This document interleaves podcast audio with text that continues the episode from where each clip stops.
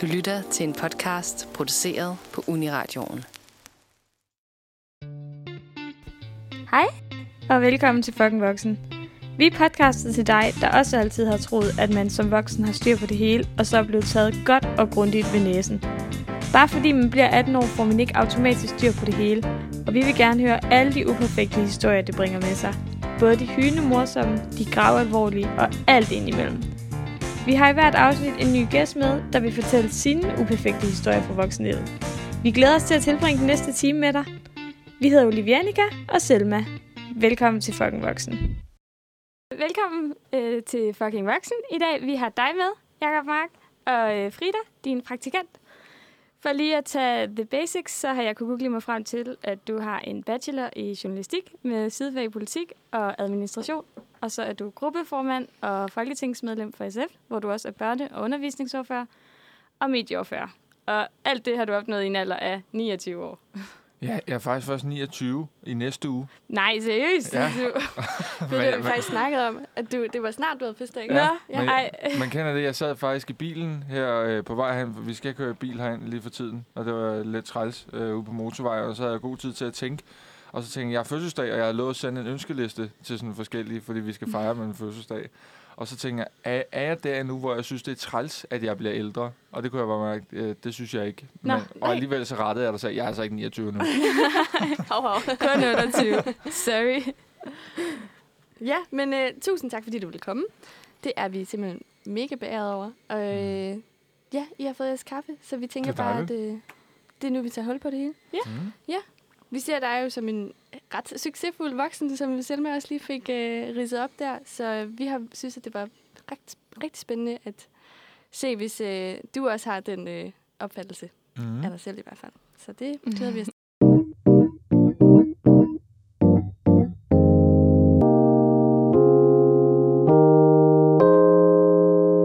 Hvad var din forestilling til en voksen, da du var barn? Jamen, jeg tror, at... Altså, om min lærer, så tænkte jeg, at de sover på skolen. Og det der med at forestille sig, at de havde et, øh, et privatliv, det var jo fuldstændig umuligt. Det var bare sådan nogen, der var på skolen. Og det var meget naivt at tænke sådan. Ikke? Men Man kunne ikke forestille sig, at ens lærer, det var en privat person. Nej. Og på samme måde, så havde jeg det også med mine forældre. Mine forældre, de var usårlige. Ja. Det var sådan nogle, øh, de kunne ikke blive øh, rigtig kede af det, og de kunne ikke øh, slå sig og komme galt afsted. Så jeg tror, da jeg var helt lille, der havde jeg meget sådan et, øh, et lidt naivt billede af voksne som sådan nogle super øh, mennesker. Og så synes jeg faktisk noget af det, der har været måske underligst ved at vokse op, og jeg kan ikke helt sætte øh, årstal på, hvornår det skete, men måske har I selv oplevet det der med, at mennesker, der har været voksne for en i hele ens liv, og som har været de der lidt usårlige typer, så finder man ud af, okay, de er faktisk utrolig sårlige. Mm. Altså, de er lige så sårbare som alle os andre, og lige så meget i tvivl, og nogle gange så siger de faktisk dumme ting, som ikke giver mening. Ja. Ja. Uh, det synes jeg var en af de mærkeligste erkendelser ved at blive vok- mere voksen. Det Ja. var, at, uh, at uh, hey, de der andre voksne, der man har set så meget op til, de, de kan sgu også fejle på alle mulige punkter. ja.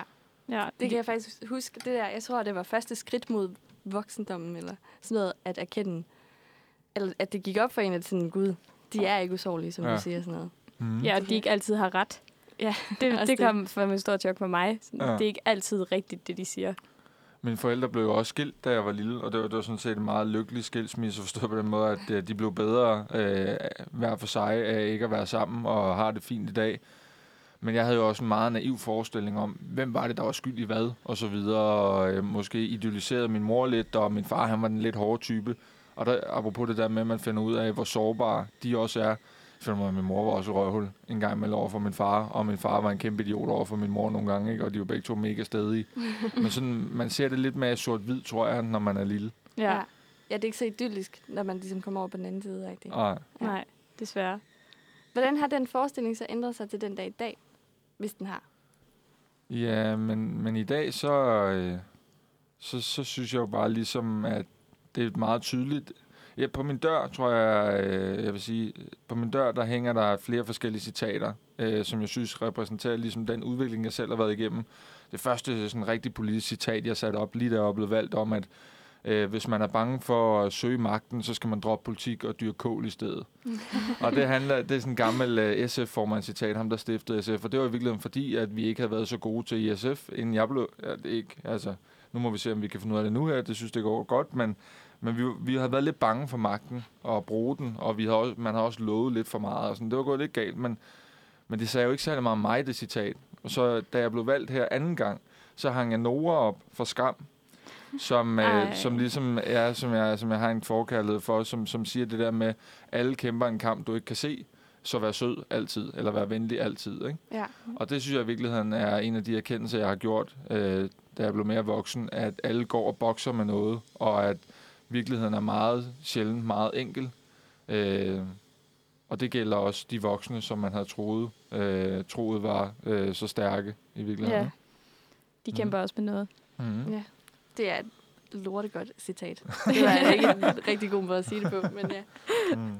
Det var det virkelig. Øhm, hvornår lever du så ikke op til din forestilling om en voksen, eller en velfungerende voksen? Ja, men øh, når jeg prøver at kunne det hele på én gang. Øh, ja, jeg ved ikke lige, hvordan... Det der med at være voksen, det er jo... Jeg tror ikke, der er nogen formel på det.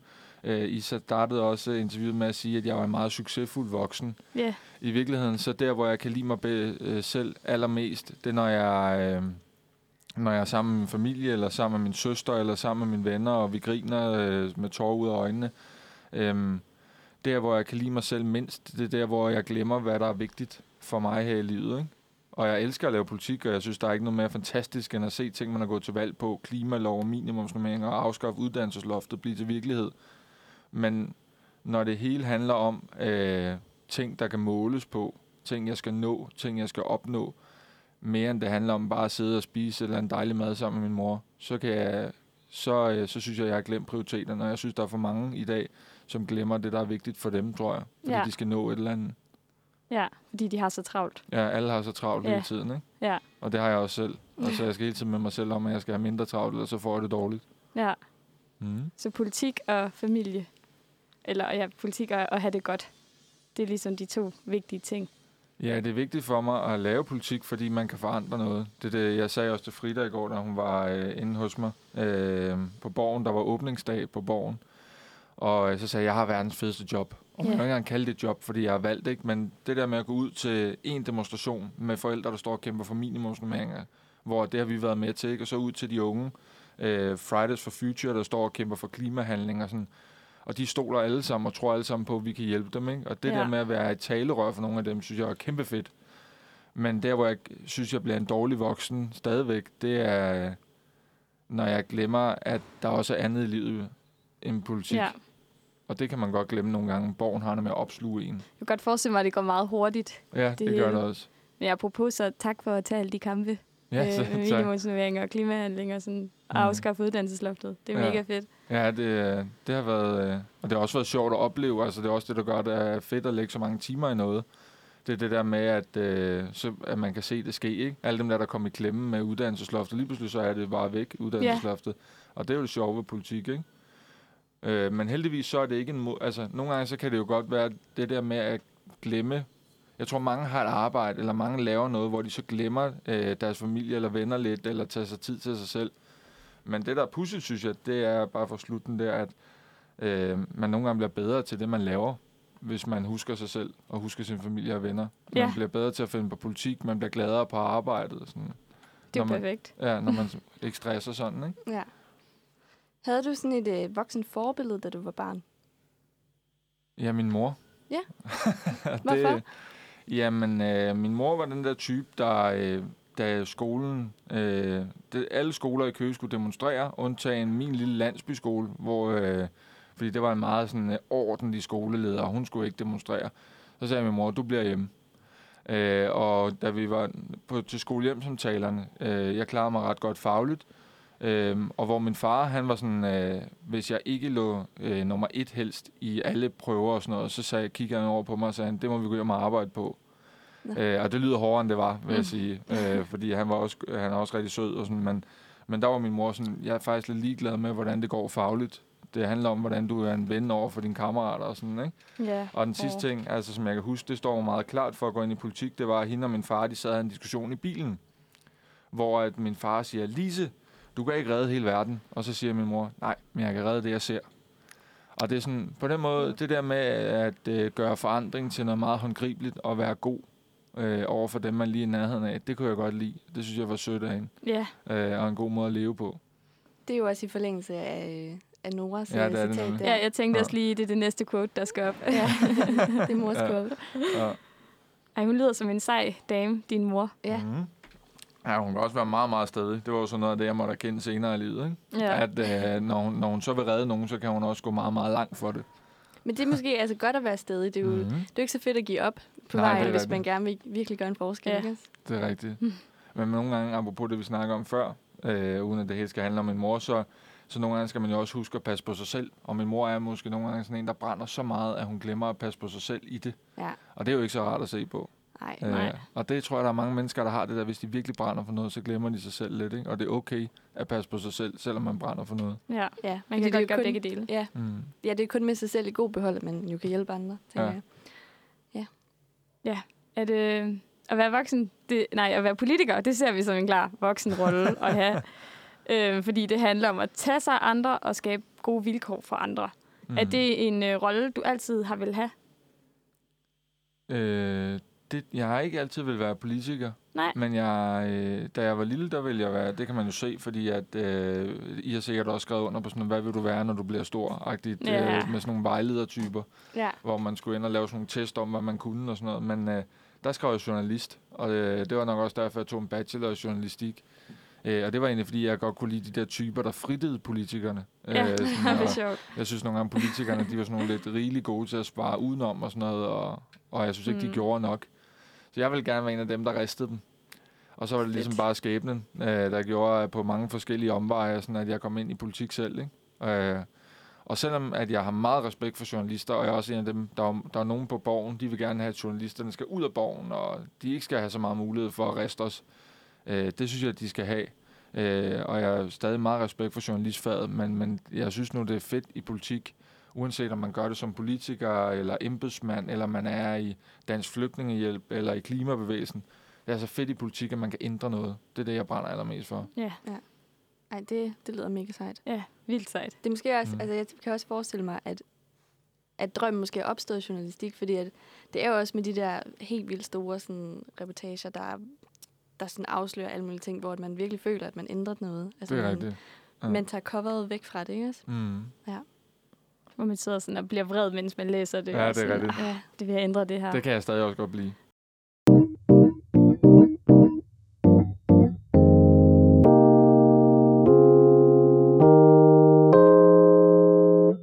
Bliver du nogensinde træt af det ansvar, du har som politiker? Ja, det gør jeg ugenligt. øh, men, øh, men det... Altså, jeg blev jo gruppeformand, da jeg var 23 år. Og, øhm, og det gik jo godt, øh, forstået på den måde, at jeg fik et rigtig godt valg, og vi har også fået meget igennem, og, øhm, og gruppen har det godt. Altså, når man er gruppeformand, så er man jo ikke formand for partiet, men så er man ligesom formand for folketingsgruppen. Og jeg, og den har det godt i dag, så på mange måder, så synes jeg, det er gået rigtig godt. Men alligevel, så da jeg begyndte at gå til sådan en slags coach slash psykolog øh, i sidste valgperiode, fordi jeg var for presset af alt det, jeg havde omkring mig, så det første, jeg måtte erkende, det var, det skulle jeg nok ikke have været. Nå. Du skulle ikke have været gruppeformand. Ja, altså, Nej. og det er jo både over, det, fordi det er jo gået godt, og det er også, jeg er stadig i dag glad for, at min formand, Pia, udnævnte mig til gruppeformand. Men, øh, men i dag, så synes jeg nok stadig, at det var rimelig crazy, at jeg skulle have den rolle, ikke? Du er også den yngste nogensinde. Ja. Er du ikke det, der er jo. blevet gruppeformand? Det er jeg, og øh, der ligger jo det i det, at man skal tage stilling til al lovgivning, der kommer. Og man skal ligesom sørge for, at gruppen hele tiden er i balance, fordi en, en folketingsgruppe, uanset hvilket parti det er, de er også, altså nogle gange er man mere uenig internt. Øh, fordi øh, her betyder det noget, her kæmper man jo om, hvad partiet skal mene, Ja. hvor at man er lidt ligeglad med, hvad andre partier mener. Jeg ved jo, hvad Alex Vandopslag for LA mener, ikke? Men det der med, hvad SF mener, det er så vigtigt. Ja. Så det er jo med hjerteblod, når man skal finde de der kompromiser, ikke? Mm. Øh, og så sidder der jo nogen, der har siddet i Folketinget i 20 år, der sidder en formand, og der sidder nogle andre, øh, der er nyvalgt og sådan noget. Alt det skal balancere. Og for at sige det rent ud, når man er 23 år, det har man ingen forudsætninger for at gøre. Ej, altså jeg tænkte lige, jeg er 22 år, jeg kunne slet ikke forestille mig at have Ej. det ansvar på mig. Nej, det var også crazy. Øh, men heldigvis så har jeg en meget sød gruppe, der, øh, der hjalp mig. Øh, og så det SF nok havde brug for, fordi vi havde været i regering og også fået nogle ting igennem. Men så var vi blevet meget uvenner internt, og så var man gået ud af regering. Øh, også fordi man havde truffet nogle forkerte valg. Så det, jeg tror, der var brug for, det var også, at der var nogen, der sagde, okay, det handler ikke om at banke folk på plads. Det hører man tit fra andre partier og gruppeformanden gør, ikke? Det handler måske om, at nogle af alle de der vilde idéer, de skal have lov til at få lov til at komme, ikke? Ja. Øh, og der var jeg nok øh, heldigvis øh, lige blevet valgt, så det gjorde, at vi snakker meget om mig og Frida i går. Frida er jo 16 år og medlem af SFU, og Frida oplever i SFU øh, sådan det der, eller ligesom man gør i alle andre organisationer, når man er ny, så hvis man kommer ind og så møder nogen, der har været der meget længe, så kan de godt sige, det har vi prøvet før. Og nogle gange så er det også godt, at folk siger, det har vi prøvet før, det fungerede ikke. Men andre gange, så selvom man har prøvet det før, så skal man prøve det igen. Ja. Fordi vi havde kæmpet klimakampen i 30 år i SF, øh, men det var først i sidste valgperiode, blandt andet på grund af også Alternativet og så videre, at det begyndte virkelig at blusse op på klimabevægelsen og folkeskoleeleverne. Så hvis vi ikke havde prøvet det igen, bare fordi vi har prøvet det før, og sige, det her er den vigtigste kamp, så har det ikke været så godt, vel? Og der er I jo lidt på forkant, kan man sige, fordi I lige præcis har taget den kamp Ja, i så netop. mange år. Men det betyder ikke, at vi måtte forlade den, bare fordi vi havde prøvet det Nej. før. Så øh, i virkeligheden så gik vi meget tilbage til noget af det, vi har kæmpet for før, med velfærd og klima og mere natur, og vi skal hjælpe ud i verden osv. Men det er bare fordi, det er noget, der er prøvet før, betyder det ikke, det er dårligt. Og så er der nogle gange brug for helt nye crazy idéer. Ja. Var det så fordi, at, altså, at, øh, at du følte dig ikke voksen nok til det her ansvar, du havde som gruppeformand, eller var det fordi, at du tænkte, wow, der er nogen, der har meget mere erfaring end mig? Altså sådan, hvad var det, der gjorde, at det... Ja, at det var, sagde- det var nok begge dele. Altså, jeg synes, det var sådan lidt... Øh, I skal forestille jer, at den første gang, øh, jeg skal op på talerstolen øh, ind i Folketinget, der har jeg været valgt i 14 dage, og jeg har fået at vide, at du kan gå på sommerferie, fordi Folketingsvalget lige, lå lige op til sommerferien. Ikke? Og så siger jeg til min formand, øh, Pia, kan jeg tage på Roskilde? Fordi øh, det, vi har altid været på Roskilde med en drengegruppe. Og så siger han, ja ja, det kan du godt. Vi møder først ind i august igen. Og så sidder jeg på Roskilde Festivalen, øh, da Pia så ringer mig op, og jeg sidder og spiller ølbowling, ligesom alle andre på, på Roskilde Festivalen. Og i en hvid tanktop med en øl i hver hånd, jeg kan stadig huske det, og så ringer min telefon, som heldigvis sidder til anlægget, derfor hører jeg den. Øhm, og så siger hun, Jakob, Inger Støjberg vil lave en, øh, en hastelov. Hun vil fra øh, om en uge tage, halvere alle flygtninges ydelser i Danmark. Det var der, hvor flygtninge begynder at gå på motorvejen. Mm. Og det betyder jo, at mange mennesker skulle leve meget mere fattigt, altså og lige pludselig ikke have råd til deres boliger. Men det var mig, der var udlændingoverfører, så jeg måtte tage direkte hjem fra Roskilde, øh, og så måtte jeg gå op på talerstolen for første gang i mit liv, og jeg havde ikke været på borgen før. Og så stod jeg der på talerstolen mod Støjberg og Nasser Carter og Martin Henriksen, Tusinddal og alle dem, der skulle diskutere udlændingepolitik. Ikke? Wow. Øh, og der må jeg bare sige, der er det nogle gange et mærkeligt voksenliv. Fordi man kan godt være på voksen og tage på Roskilde, men det der med at gå direkte fra Roskilde Festivalen og ind på talerstolen og diskutere udlændingepolitik. Ja. Det Og så virker og så to- To tror jeg- kæmpe modsætninger. Ja, og så tog jeg tilbage igen bagefter. Gjorde du det? Ja, det gjorde jeg. Fordi Så det var, det var, ja. øh, og ved I, hvad det pussy var? Det var, at da jeg kom tilbage igen, så sad de stadig og spillede ølborgen. og det viser bare også nogle gange, at det går lynhurtigt hjemme på borgen. Men Ja. ude i uh, virkeligheden der, der, der er det nogle andre ting, man også kigger på, ikke? Ja, der går det lidt langsommere måske. Ja, det gør det. I hvert fald på Roskilde Festival. Så alle de Ja. her ting skete på samme dag? Ja, nej, det skete over to dage. Okay, ja. Ja, jeg, jeg kom hjem fra Roskilde, sov 24 timer, gik på talerstolen, holdt den der tale og diskuterede med de andre, og så tog jeg tilbage på festivalen, fordi det var en hastelovgivning. Ikke? ja. Sådan. Øh, ja. Men det var bare for at sige det der med, at nogle gange så er det også lidt sjovt om lidt dobbeltsidig voksenliv, man lever, når man er ung i politik. Mm. Fordi jeg, øh, apropos min mor, så da jeg blev valgt til byrådet som 18-årig, det, første, det eneste hun sagde til mig, det var, hvis du går ind i politik så tidligt, så må du ikke stoppe med at være ung. Nej, Og det har jeg altid prøvet at leve efter. ja, Fedt. Mm. det er også vigtigt. Så du er ikke den der ultimative voksen. Du er stadig ude at være ung og sådan noget. Øh, ja, det, øh, jeg, jeg tror, at dem, der kender mig, vil sige, at det er meget godt, hvis jeg nogle gange også slapper lidt mere af. Altså, jeg har... Øh, jeg kommer fra Køge, ikke? og jeg har to store drengegrupper, som jeg elsker meget højt, og jeg elsker at være sammen med de drenge. Og der, vi har været på festivaler, altså meget typisk både Roskilde og Smukfest, og vi har været i udlandet og så videre. Og nu er jeg så faktisk nået dertil, hvor at, og det var ikke kun på grund af corona, men nu har jeg faktisk sådan ikke brug for at gå lige så meget på festivaler i byen mere Nej. det var sjovt. Det kom lige pludselig. Det var ikke på grund af politik. Det var bare sådan, nu tænker jeg, okay, nu har jeg også givet meget gas. Ikke? Ja. Ja. Nu er jeg klar til at lave noget andet. Ja, og det betyder ikke, at vi ald- aldrig fester mere. og Sådan noget, men der er et eller andet, der har ændret sig lidt. Ja. Det var også fair nok, hvis du har været i gang i mange år. Det er det. Ja. Det kommer det vel en naturlig slutning for os Ja. alle sammen. Ja, og så, tidspunkt. og så det der med nogle af de der, det er også bare hårdt, ikke? Altså, åh, Ja. det der, jeg kan simpelthen ikke længere det der med, at, øh, at være se, meget sent ude, eller sidde et eller andet sted, og så skulle direkte op dagen efter, og så have en eller anden vigtig politisk debat. Nej. Nej, det kan vi altså godt forstå. Tak. Jeg vil Ja. sige, altså jeg er så 21, og jeg skal sådan planlægge, hvornår jeg skal drikke mig fuld. Fordi jeg skal, jeg skal gøre mig klar til det. Det er ikke noget, jeg bare kan gøre fra den ene dag til den anden. Ej. Så, men det ved jeg ikke, hvis det gør mig 80 år gammel. Men øh, jeg forstår i hvert fald, hvor du kommer fra. Ja. Jeg tænker, altså min hjerne den bliver altid sådan lidt sløret dagen efter, jeg har drukket, så jeg kan ikke helt formulere mig, som jeg måske normalt ville kunne Nej, formulere det er mig. rigtigt. Sådan har jeg det også. Man kan kun ligesom tænke, jeg ved ikke, om det giver overhovedet mening, det jeg siger, ellers så er det nu, du skal stoppe mig, Frida, men man kan ligesom med tømmermand, så kan man kun tænke i et spor. Ja. Ja. Hvor at når, tit, når man sidder i en politisk debat, så hvis jeg bliver spurgt lige, hvis I spørger mig om et eller andet, om øh, hvordan vil I sikre mere vild natur i hele Danmark, så kan jeg godt sidde og tænke, jeg siger det her nu, men om lidt skal jeg sige det her. Fordi man skal altid ligesom tænke i det næste argument i Ja. politik, ikke? Ja. Øh, der kan jeg så kun tænke i det første argument, når jeg er tømmermand. Og det ender, gør, at man nogle gange ender i fuldstændig vanvittige situationer. Ja. Jeg sad engang på News, øh, bare for at komme lidt ud af sidespor, hvor at jeg havde været meget i byen. Jeg vidste ikke, at jeg skulle på News morgen efter, men så får jeg bare at vide, at det skal du. Øh, jeg skulle ind og snakke om de der meget høje optagekvotienter, der er på de videregående uddannelser. Øh, hvad jeg synes er gal- ren Galle Mathias, at karakterer fylder så meget øh, Øh, i vores uddannelsessystem. Og det skulle jeg så sige. Og der var så nogle uddannelser, I kender dem sikkert selv, der havde meget højt snit. For eksempel øh, statskundskab, psykologi.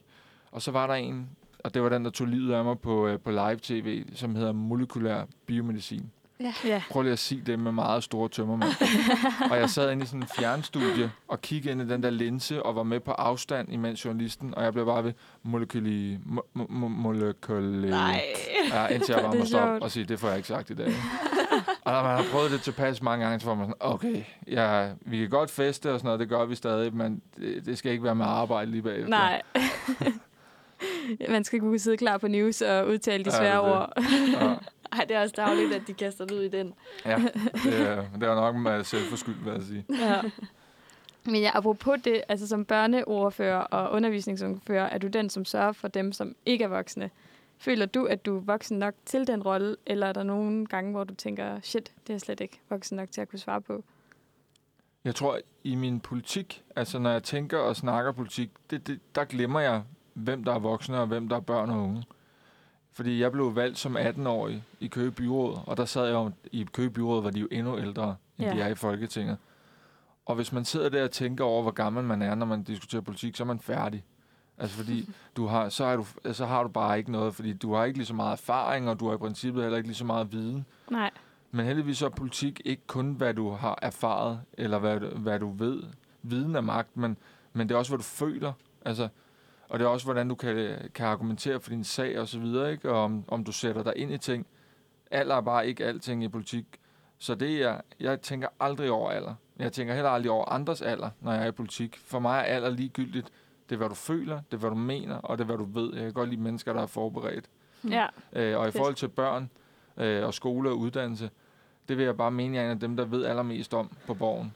Altså, det, jeg har, øh, det har jeg altid gået utrolig meget op i, fordi jeg synes, der er alt for mange børn og unge, der ikke har det godt.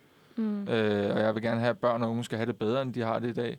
Øh, så det er den ene der. Det synes jeg, der var alt for mange i alt for mange år, der ikke talte om. Og hver gang man talte om, der kom en undersøgelse, så sagde man, ja, men det er nok, det er nok Instagrams skyld, eller det er nok noget, der sker i de unge selv, i stedet for at tale om, hvad er det for nogle beslutninger, der er truffet inden for Christiansborg, som også presser de unge. Ikke? Skolepolitik. Man lavede bare sådan en skolereform, hvor man sagde, nu laver vi en af verdens længste skoledage, og vi masse tester børnene, og så bliver Mm. børnene nok bedre. Øh, Fordi øh, politikerne inde på borgen havde mindre værtskomplekser, hver gang de fik stukket en mikrofon i hovedet, skulle de sige, jamen vi tester også børnene, så det er ikke vores skyld, hvis det ikke går godt. Altså, så kender jeg, I kan måske også allerede mærke det nu, når det kommer til politik, så tænker jeg ikke over, hvor gammel jeg er. Så tænker jeg over, hvad jeg ved og hvad jeg føler, og hvem jeg snakker med, der arbejder i skolen, eller i daginstitutioner, eller de unge. Ikke? Det lyder også altså, som en helt rigtig tilgang. Mm. Har du nogensinde oplevet forskelsbehandling i forhold til din alder?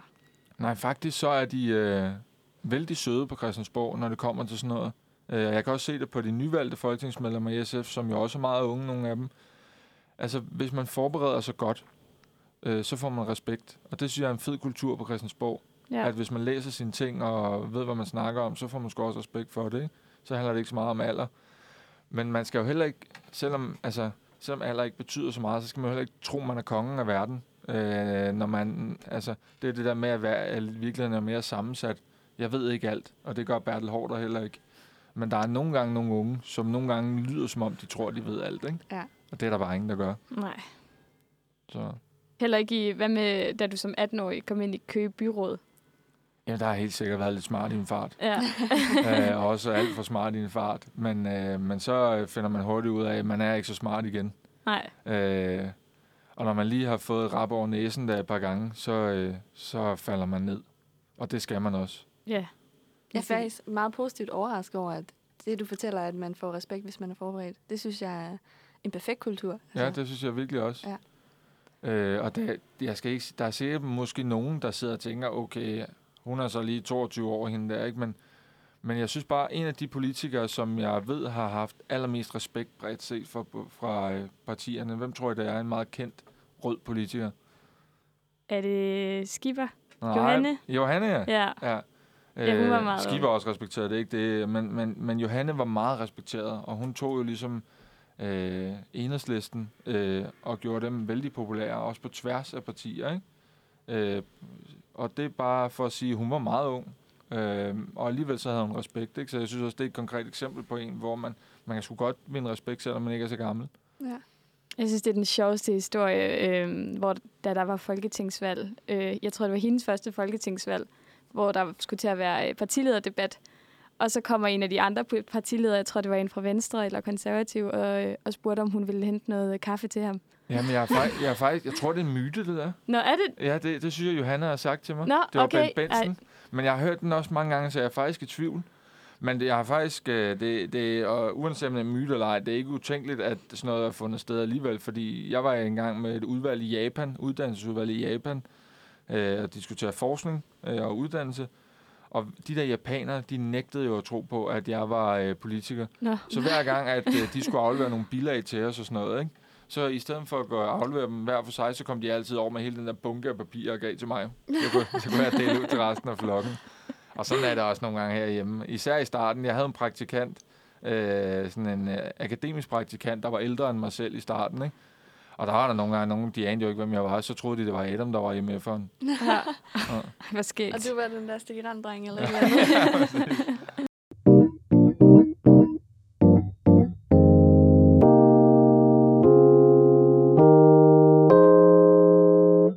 For at gå lidt væk fra politik, øh, hvordan var det så, da du gik i gymnasiet? Nu har vi lige snakket om, at du kom ind som allerede 18-årig i Køges Byråd og sådan noget. Var, mm. var du meget den her, ja, det er fordi, vi ser måske øh, altså sådan at tage en politisk rolle som en voksenrolle. Mm. Men var der så også tid til at, øh, at bare gå i gymnasiet og bare være ung -agtig?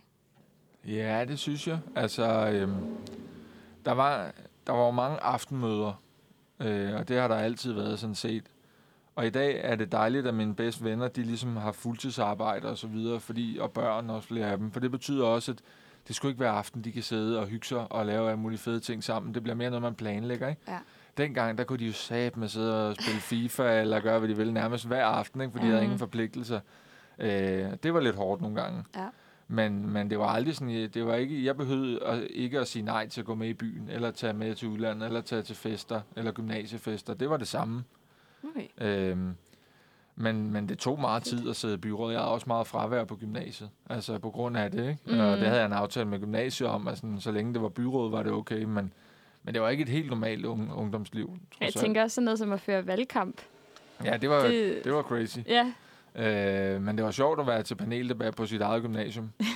øh, men, øh, men det var nu mere faktisk det daglige, det der med, at der er bare mange øh, møder, hvor det, det, altså, så når man er ude og besøge skoler, for man, man skal vide, hvad man snakker om, og jeg sad med hele ansvaret for skoleområdet, ikke? så for at vide, hvad man snakker om, så er man nødt til at ud og besøge skolerne, og de er altså åbne om dagen. ja. Øh, og det samme har daginstitutionerne, ikke? Øh, så der er ikke så meget at gøre, så må man ligesom bare nogle gange være væk. ja. Hvad, var det- så var, var det måske det samme, da du gik på universitetet?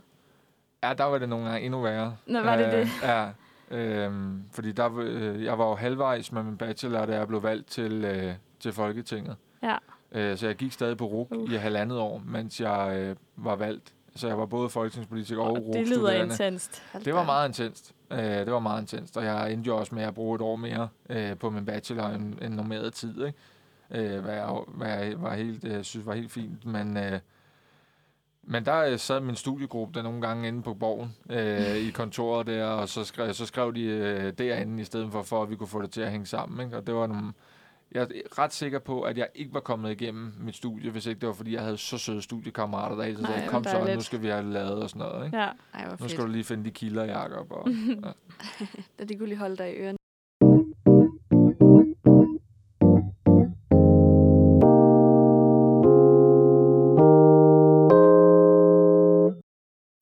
Hvad med sådan, når du flyttede hjemmefra og sådan noget? Hvornår, hvornår gjorde du det, og hvordan, hvordan var det? Var du bare mega klar til, til at være ude for dig selv, eller blev du sammen med nogen?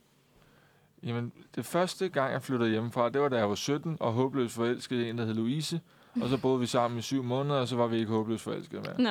øh, og så havde jeg så, jeg havde ikke rigtig nogen penge der i starten, så øh, jeg havde selvfølgelig bare øh, kørt øh, Ikeas kontokort der, og, og det endte så med, at jeg ikke rigtig havde så mange af de der ting, vi havde købt sammen, og hun skulle blive boende der. Øh, faktisk en sindssyg historie, fordi hun blev så øh, til en gymnasiefest øh, rigtig gode venner med en anden ekskæreste, jeg havde, der hed Emma, som var et rigtig dejligt menneske. Så det, det ender med, at jeg flytter ud, og min eks, anden ekskæreste flytter ind Nej! og bor sammen. sjovt. Og jeg må flytte hjem øh, til min far og bo der, øh, indtil jeg finder noget andet. Ikke? Øh, men jeg har det, begge, øh, ser, øh, har det godt med dem begge to i dag og sådan noget. Men det var en ret vildt og lidt hektisk måde at starte med at flytte hjemmefra. Det var det jeg Så jeg gik otte måneder, og så boede jeg hjemme igen. Ikke? Og min far, han må betale for de der ting, øh, som jeg også gældsat mig og sådan noget. Og han havde ikke mange penge, så han var lidt tosset over det. øh, men så prøvede jeg igen, og så flyttede jeg op i en lille lejlighed midt i Køge, som lå oven på et fiskehus. Øh, hvor, øh, hvor der stank af fisk i hele opgangen. Nej. Ja. Og det var derfor, vi kaldte det fiskehuset, øh, min lejlighed. Ikke? Men den der lejlighed, den havde ligesom som udløb, af, at øh, når jeg var færdig med at bo i den efter to år, så skulle den rives ned. Okay. Og det gjorde jo, at der var hvide muligheder for, øh, Ja. hvordan man ville udfolde sig og lave fester i den der lejlighed. Så jeg tror, det er en af de mest øh, festlige lejligheder, der har været i Køge i mange år. Det er fiskehuset, ikke? Ej, hvor fedt. Ja. Øh, og der boede jeg, der boede jeg alene. Øh, man havde altid venner på besøg. Sådan altid. Og nogle af mine bedste venner boede lige på den anden side af gaden. Og, sådan. og det endte med, at jeg måtte flytte ud af den der lejlighed før tid, fordi den var helt ødelagt af skimmelsvamp. Og så tog, vi sammen med, så tog vi simpelthen bare mine ting, og så gik vi over og flyttede. Så flyttede jeg ind hos min ven Mads, der boede på den anden side af gaden. Nå, hvor fedt. Nej, det lyder vildt hyggeligt. Ja, og så boede jeg med ham øh, i to-tre år, indtil jeg flyttede til København, fordi at, øh, jeg blev valgt til Folketinget. Og så boede jeg med nogle andre kammerater i to-tre år, lige inde ved Borgen, og arbejdede altid. Øh, eller spillede Playstation med dem. Det var de to muligheder, der var. Arbejde eller Playstation? Ja, og så flyttede jeg tilbage til Køge, øh, Okay. fordi jeg blev lidt træt af København. Det, jeg tror, det var... Jeg elsker København som hovedstad, men jeg kan godt lide, at København og larm, det er noget, man tilvælger. Mm. Øh, og, øh, og provinsen, det er sådan dejligt roligt, totalt hyggeligt, og man kender dem, man møder og sådan noget, og, og der, er- der er meget stille, øh, Ja. meget tid. Og det Ja. kan jeg egentlig godt, meget godt lide, fordi der er så meget larm hele tiden i mit liv. ja. Så du kan tage et sted hen og få ro. Ja, netop. Ja. Det er meget sjovt. Det siger min, øh, jeg er også fra, fra provinsen, og min, øh, nu er jeg jo glad for at bo i København og sådan noget. Og min mor og far, de sidder bare og smiler. Og er sådan, once a province kid, always a province kid. Ja, men det, Du jeg, vil have roen. ja, det, jeg tror, der er mange, der laver det. Jeg kan se på min drengegruppe, de har alle sammen været inde og vende i København, og nu er der 5 ud af 8, der er tilbage i Køge. Ikke? Ej, hvor er det Så hyggeligt. nu må vi se. I alle sammen flytter tilbage. Ja. Ja, også til samme by. Det er da Ja. mega hyggeligt. Det, Ja, men der er, jo så, drømmen. der er jo så sket det tragiske, det kan jeg jo godt indrømme her, at øh, jeg har fundet mig en kæreste, som er øh, borgmester i Holbæk. Og reglerne er simpelthen sådan, at når man er borgmester, så skal man bo i den pågældende kommune. Nå. Nå. Så nu bruger jeg det meste af min tid i Holbæk. Altså, Ja, altså, ja, men det er jo okay. Øh, og der er heldigvis ikke så langt fra Holbæk til Køge, at det gør noget. Nej, nej. der, er- der, er- der er vel et tog. Ja, Ja. det er rigtigt. Men det er også provins og dejligt der. Ja. Ja. Jeg ved ikke, ja, det er vel en provinsby. Det er en lidt større provinsby, men det er en provinsby, ikke? Ja, det er det. Ja. Nå. Jamen, øh, da du så boede i den her dejlige fiskelejlighed og sådan noget, hvad var så din øh, go-to-ret? Jeg forestiller mig, at det ikke var fisk. Det er pasta carbonara. Fedt. Og det vil det stadig være i dag. Hvis jeg er tømmermand, så laver jeg altid spaghetti carbonara. Er det rigtigt? Hvad, er det ikke lækkert? Har Frida fået den også? Nej, ikke nu. Nå, okay. Hvad hedder det? øh, Men øh, nej, det er bare det er meget let at lave. Den er fed, og det kan jeg godt lide. Øh, og, øh, og så smager det afsindig godt. Jeg elsker ost. Og der er masser af parmesan i den, ikke? Ja. Øh, så den, øh, den tror jeg var den ret, jeg lavede allermest i, øh, i den lejlighed. Vildt, at du har overskud til det, når du er Ja, tømmermand. det synes jeg også er ret Jeg vildt. kan dårligt nok løfte lillefinger til at trykke på volt. De skal ikke bringe den her med. Ja, det har jeg... Øh, par, eller spaghetti carbonara, eller hjemmelavet burger. Det laver jeg altid, wow. hvis jeg... Og det er ikke sådan... Det er fordi, jeg synes, jeg får det dårligere af, hvis jeg bestiller mad udefra. Altså ikke, øh, dermed ikke sagt, at jeg aldrig spiser takeaway, men jeg spiser faktisk ofte kebab og sådan noget, når jeg er færdig med sene møder. Hvis jeg i forvejen har det dårligt, så hvis jeg fyrer sådan øh, McFeast menu ned eller eller andet, så får jeg det bare sind og dårligt. Ja. Ja. Det lyder ubehageligt. ja. Så det skal jeg ikke have. Ja, men så Nej. får jeg... Ja, så, Og så gør du dig selv en tjeneste ved at lave det selv. ja præcis. Det er da egentlig ret heldigt. Så, Ja. så Ja. slipper du for at spise alt med McDonald's. ja, og, og så har jeg nok meget også en rytme, at jeg spiser nok det der, I så spiser og bestiller, når jeg er tømmermand, det spiser jeg ligesom på vej hjem tilbage til provinsen efter byturen i København. Ah, ja. Nå, det er smart. Ja, så tager man det jo lige med i toget, ikke? Ja. ja. Og så, så er det lidt nasty at spise det to gange lige efter Ja. ja. hinanden, jeg. For meget af det gode. Ja. Ah, det er da smart.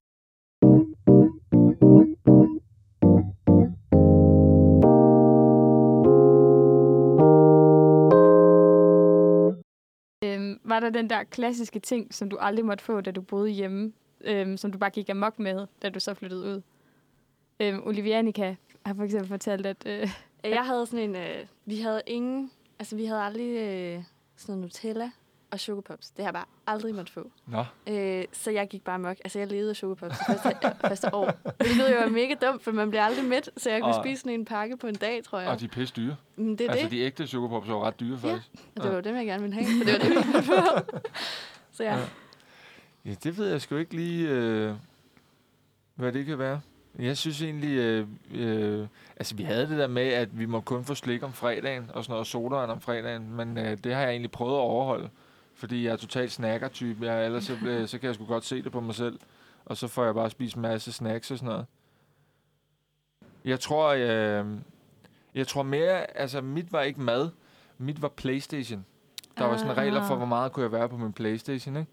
Havde kan- sådan en timer, eller hvad? Ja, ikke helt, men det var sådan, ah, nu skal du stoppe, eller nu skal du gå ud og spille fodbold, eller et eller andet, ikke? eller nu skal du gå i seng. Hvor at nu er det jo totalt øh, sådan, at hvis jeg forelsker mig i en serie, så uanset om jeg har møder klokken 9, så kan jeg ligge og se serie til klokken 5.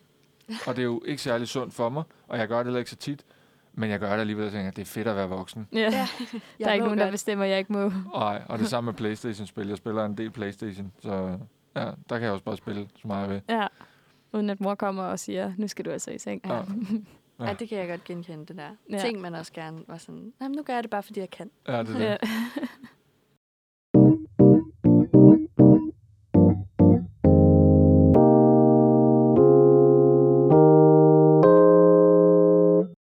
Var du så en af de der unge mennesker, du så gik ud af gymnasiet, og øh, jeg ved ikke, har du haft sabbatår og sådan noget? Skulle du ud og finde dig selv på en eller anden rejse eller et eller andet, eller var du rimelig afklaret med, hvem du var? Øh, jeg skulle ikke finde mig selv, men jeg fandt lidt mig selv. Okay. Altså forstå på den måde, at øh, jeg havde egentlig... Øh, vi rejste ikke så meget, da jeg var lille, øh, fordi det havde vi ikke så mange penge til. Min familie var meget på Mors i Nordjylland. Kender I det? Der er mange folkeskoleklasser, der laver de her plancher om, hvad har du lavet i sommerferien? Nå, Mm. Og jeg kunne bare altid vise, jeg har været på Mors i Jesperhus Blomsterpark. øh, og derfor tror jeg, at øh, jeg havde sådan meget en længsel efter at se verden, da jeg var færdig. Så det Ja. vidste jeg, og det var, var der en af mine andre venner, som også vidste. Så vi havde faktisk sparet op længe til den der rejse. Øhm, og da jeg så kom ud og rejser der, så har jeg fået, jeg endte med at få et ret godt snit på Køge Gymnasium. Øh, meget mod med forventning, fordi det sidste år endte med at gå rigtig godt. Øh, og så laver jeg den der, som jeg tror mange laver, jeg skal da bruge mit snit til noget. Mm. Og så søgte jeg statskundskab, fordi at der var jeg lige begyndt at komme, eller jeg var lige blevet valgt til byrådet, og jeg var mange i SFU, som jeg også var aktiv i. Og sådan, wow, statskundskab er for fedt og sådan noget, ikke? Og så øh, tog vi øh, verden rundt der, og øh, så, så blev jeg optaget på statskundskab og sidder på en ø øh, på Fiji. Og så ringer min ven, som bor i fiskehuset på det tidspunkt og passer på fiskehuset, og ringer og siger, du har fået det her brev om, at du er optaget på statskundskab. Og så kunne jeg bare mærke, det skal jeg bare overhovedet ikke. Nej. Det skulle jeg overhovedet ikke. Altså, jeg skulle gøre det, som jeg egentlig gerne ville, da jeg var lille. Jeg skulle læse journalistik, ikke? Fedt. Så, og det, var, det kom nok, fordi jeg var ude at rejse, og ligesom havde det hele på afstand og sådan. Ja. Ej, det Mhm. giver jo rigtig god mening, føler jeg. Ja. At man ja, får Ja. mulighed for at puste og finde ud af, hvad er det egentlig, Ja. egentlig jeg vil. Ja. Og man kommer væk fra det der verden, hverdagens travle liv med alle de andre SFU'er, der læser statskundskab. ja, netop. Ja. Det tror jeg er vigtigt, nogle gange at komme ud af den der boble der. ja.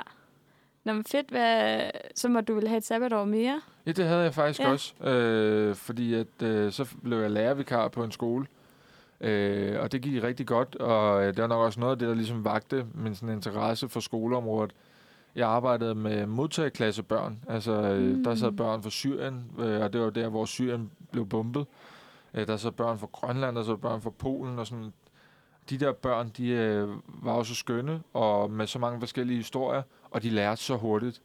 Øh, fordi det var små børn, der kom til Danmark, Mhm. og sådan. Øh, men der var også rigtig mange af dem, der havde rigtig ondt i livet, og havde det virkelig svært. Så det synes jeg bare var mega spændende at arbejde med. Så øh, der endte jeg med at være halvanden år, blandt andet at arbejde med dem, ikke? Det lyder Og det sidste sejt. halve år, der rejste jeg så der, sammen Ja. med en kammerat. Det lyder virkelig givende. Mm, Ja, det var det også.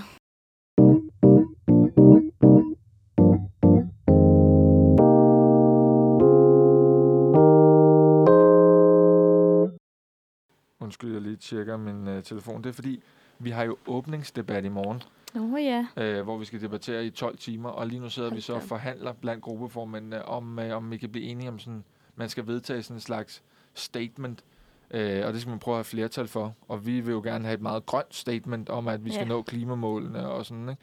Øh, så det sidder vi jo lige og forhandler om, så... så Altså, er det alle gruppeformændene? Ja, i- vi bliver nok ikke enige med Venstre og dem i lige den her sag. Øh, Så lige nu Nej. forhandler vi med, ja, med Socialdemokratiets gruppeformand og Enhedslistens politiske leder og sådan, Mm. ikke? Øh, Så det skal jeg over og gøre lige bagefter her. Så jeg er også snart nødt til at lukke af Ja. og tage Frida med videre. Jamen, vi er, Det da er bare, også helt i orden. ja, vi Altså- er bare så glade for, at du kunne presse os ind i dit travle Ja. schema. Jamen, jeg synes, det har været hyggeligt. Det er vi vi glade for. at høre. Det synes vi også, det har Ja. været. Det er mega spændende at komme lidt bag om kulissen, Mm-hmm. ja. så Ja. man kan sige det sådan. Ja, det er endt med, altså, jeg ved ikke, hvad fanden der sker, Frida, men øh, Fri, er, du, er Fridas mikrofon til? Ja, Ja. det er den. Kan du ikke sige noget, Frida, bare et eller andet, sådan, så folk ikke tror, jeg bare sidder og taler til en fiktiv person? Jo, ej, jeg, øh, jeg findes i virkeligheden. Det Ja. ikke, øh, slet ikke noget der. Det er ikke en Ah. fantasi, vel? Nej, det er godt. overhovedet ikke. Men, men det, nogle gange så end, det ender med alle mulige festlige historier, øh, mere end politik. Er det rigtigt? Gjorde det også i går, da vi havde møder der? Sådan, øh, jeg ved Jo. ikke, om jeg savner fest på grund af alt det her corona. Nej, da Det vi sad og spiste det. aftensmad, der, Ja. ja. der var lidt af hvert. Ja. ja. Men det er meget hyggeligt både at snakke lidt om ungdom og fest, og, og så lidt om politik, ikke? Ja, Ja, en god blanding. det er den helt Mm. gode blanding. Jamen, øhm, så vil vi ikke øh, holde på dig længere, Jacob. Nej. Du skal bare tusind tak, fordi du vil være Ja. med. Ja, selv Det var tak. så hyggeligt at snakke med dig. Ja. I lige måde. Tak fordi du ville lytte med. Du har lyttet til Fucking Voksen. Vi er sværter, Selma og Olivia Annika.